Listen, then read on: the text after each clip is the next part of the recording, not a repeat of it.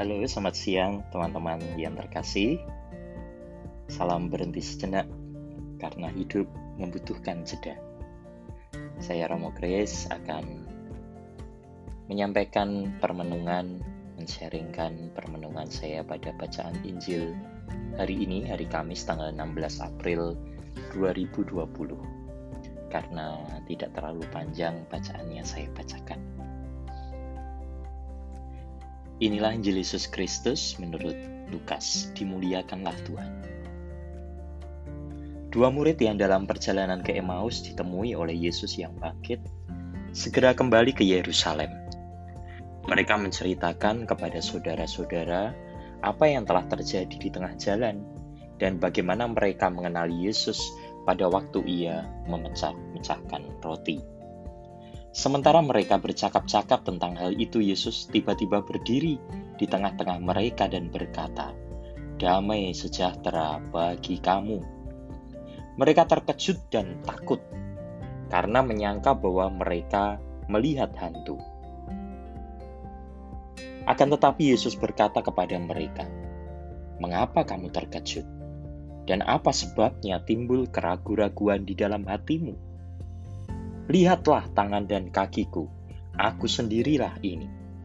Rabalah aku dan lihatlah, karena hantu kan tidak ada daging dan tulangnya, seperti yang kamu lihat ada padaku. Sambil berkata demikian, ia memperlihatkan tangan dan kakinya kepada mereka.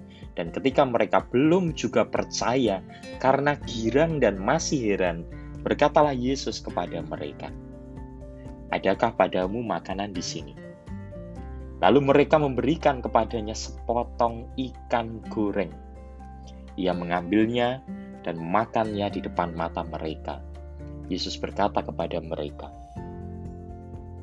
Inilah perkataan yang telah kukatakan kepadamu ketika aku masih bersama-sama dengan kamu, yakni bahwa harus digenapi semua yang ada tertulis tentang aku dalam kitab Taurat Musa, kitab nabi-nabi, dan kitab Mazmur.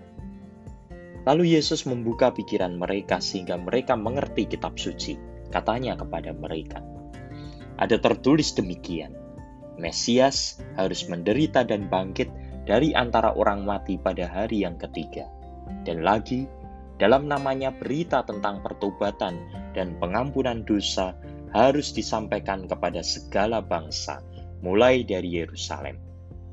Kamu adalah saksi dari semuanya ini. Demikianlah Injil Tuhan. Terpujilah Kristus. Teman-temanku yang terkasih, Yesus yang bangkit tidak meninggalkan sisi kemanusiaannya yang menjumpai para murid dalam hidup mereka sehari-hari. Namun tentu kebangkitan memberikan corak yang berbeda karena dengan mengalahkan maut, salah satu hal yang paling ditakuti manusia, maut dan kematian. Hal itu memberi kepastian tentang keilahian Yesus. Meski awalnya takut, para murid kemudian girang dan dikuatkan. Teman-temanku, ia pun menyertai kita dalam hidup sehari-hari.